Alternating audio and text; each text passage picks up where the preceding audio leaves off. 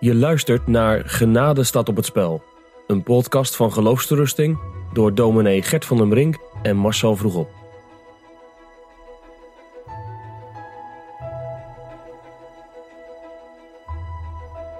Ik heb eh, nog een stelling. eh, het zou bijna saai worden. Ik heb er weer eentje. Wel weer een andere stelling. Ehm, ik heb hier staan. God heeft aan één woord genoeg om een mens te bekeren. God heeft aan één woord genoeg om een mens te bekeren. Wat denk jij dan? Kijk, God kan alles. Ja. God kan zonder, zonder enig middel eh, mensen eh, bekeren, maar God doet dat niet. God heeft het evangelie gegeven als een middel om zalig te worden. Hoe zullen zij geloven, staat er in Romeinen 10, als er niet gepredikt wordt. Dus God heeft het zo ingesteld dat wij dat evangelie nodig hebben en het geloof in dat evangelie om zalig te worden. En dat, die boodschap van het evangelie, dat is niet maar één woord. Hè? Dat, is een, dat is een boodschap, dat is een samenhangend geheel. Dus die gedachte dat God aan één woord genoeg zou hebben.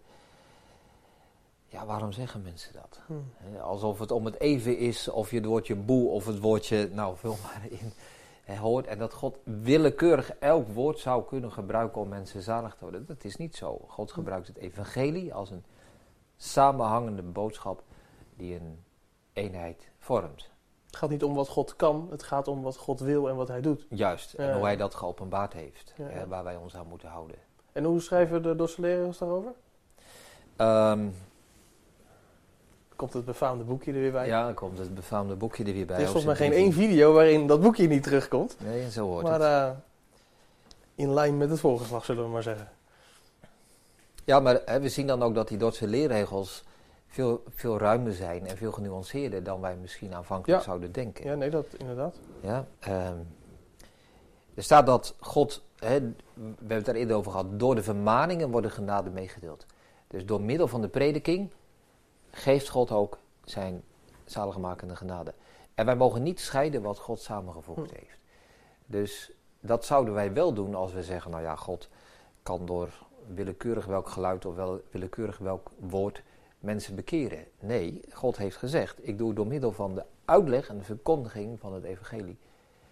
Dus als wij dat verwaarlozen, dan moeten wij niet denken dat wij zalig worden.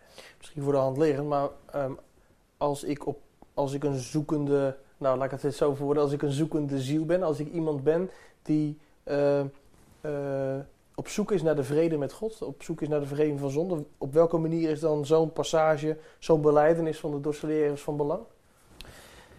Ehm, ik zal je voorlezen wat in hoofdstuk 1, paragraaf 16 staat.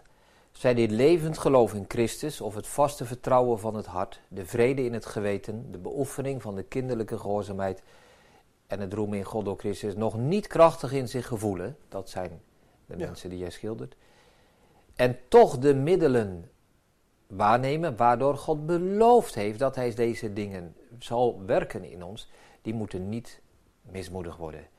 Wanneer zij van de verwerping horen spreken. Maar de middelen vlijtig blijven gebruiken. Ja, dus het is wel degelijk belangrijk dat God niet alleen middelen gebruikt en zegt zonder die middelen gaat het niet. Hm. Dat is ook waar.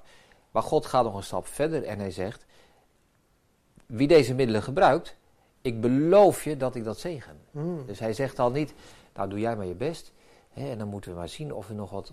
God heeft ook be- beloofd die middelen te gebruiken. En dan, Dat geeft je- ook verwachting als je in de kerk zit en je verlangt naar vrede met God, maar je hebt het nog niet of je ervaart dat nog niet of wat ook. Juist, Op grond hiervan ja, eh, word je Ja. aangespoord om één, blijf alsjeblieft zitten. Maar dat, eh, het is niet zinloos als je dat nee, nee, nee, tegendeel. Hè. En voor de predikanten, hè, ehm, hoe naastiger, hoe vlijtiger wij onze taak vervullen, hoe heerlijker de weldaad van God voortgaat. Dus hoe duidelijker een predikant het evangelie brengt, hoe meer vrucht er is. Dat Ja. is, ja, dit, dit zeggen de Dordtse leerregels. Ja, nu je het over prediking hebt, word ik natuurlijk getriggerd om te vragen, een persoonlijke vraag van hoe werkt dit dan? Je bent zelf predikant in, in, in Rotterdam. Ehm, hoe werkt dit dan in jouw prediking? Hoe deze belijdenis, hoe heeft dat een effect, een uitwerking in de manier hoe jij Ja, prediker en ja absoluut. Mijn taak is om het evangelie zo eenvoudig mogelijk, maar ook zo duidelijk mogelijk en zo krachtig mogelijk uiteen te zetten. Hè, eh, wetende dat God dat gebruikt. En eh, een, een preek mag niet, laat ik zeggen, 5000 keer een woord zijn waarvan God 5000 keer een woordje zou kunnen Mm. gebruiken om iemand te bekeren. Mm. Dat is geen preek, Nee. dat is geen verkondiging. Verkondiging is dat je een boodschap neerlegt in het midden van de gemeente die helder is, die begrijpelijk is, hè, die eh, mensen door het verstand heen hun hart raakt. Als dat niet zo was, hè, dan had het ook geen zin wat we lezen in het boek Handelingen, bijvoorbeeld in Handelingen 28, dat Paulus met de Joden in gesprek gaat en hij poogt te bewijzen dat Jezus de Christus is. En daarop komen sommigen tot geloof. Dus dat uitleggen en dat uiteenzetten en dat begrijpen, dat is wezenlijk. Zo werkt God. Ja, dus ons verstand hè, eh, begrijpt de boodschap en maakt ons hart, maakt onze wil, maakt ons leven gaande om ons aan deze Christus toe te vertrouwen. En daarom, hè, het is niet zo'n eh, verstandige zin om te zeggen dat God aan één woord genoeg heeft. Hm. God heeft aan één boodschap genoeg. En die boodschap is het evangelie.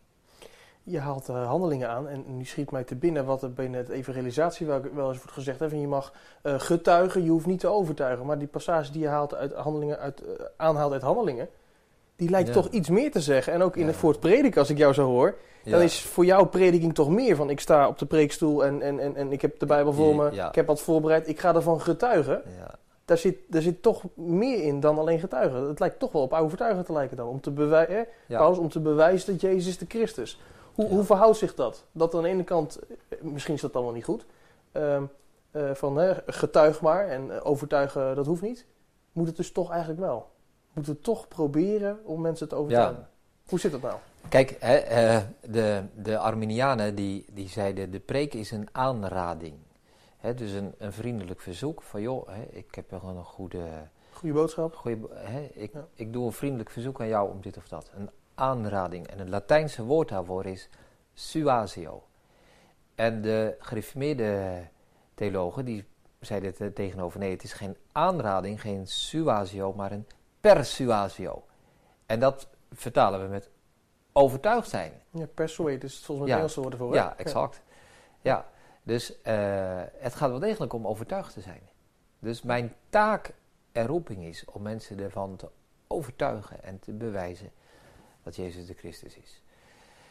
Dus eh, ja, mag je dan niet getuigen? Uiteraard. Hè. We moeten getuigen en we weten ook dat de Heilige Geest overtuigt van zonde, gerechtigheid en oor- oordeel. Maar hij doet dat door middel van mensen die het evangelie uitleggen en verkondigen.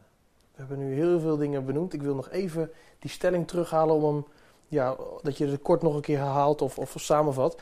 De stelling die ik je gaf was, God heeft aan één woord genoeg om een mens te bekeren. Je hebt er antwoord op gegeven, maar Ja. ge- geef nog eens in een paar zinnen een reactie op. Ja, kijk, als ik, als ik dat nou niet zou doen, hè, in de prediking en in pastoraat en, en evangelisatie. Hè, als ik denk van ja, God heeft één, één woord genoeg, dan ben ik nalatig. Hè. Mijn Mm. taak is om de mensen de kennis bij te brengen. En dan zegt de Heer Jezus in Lucas eh, 13, Wee u, gij schriftgeleerden, u hebt de sleutel van de kennis weggenomen. Hm. En u zelf die niet ingaat in het koninkrijk, u verhindert andere mensen in te gaan. Dus dat is een verschrikkelijk zwaar woord dat Ja. Jezus neerlegt bij degenen die de taak hebben om de eenheid en de kracht van de boodschap neer te leggen. Als zij dat niet doen, verhinderen ze andere Ja. mensen in te gaan. Dus hè, dat is wel degelijk een zware taak. eh, een grote verantwoordelijkheid voor dienaars van het woord. En die mogen zich nooit achter zo'n uitspraak verschuilen. Je luisterde naar een podcast van Geloofsterusting. Wil je meer luisteren, lezen of bekijken? Steun dan onze missie en ga naar de website geloofsterusting.nl.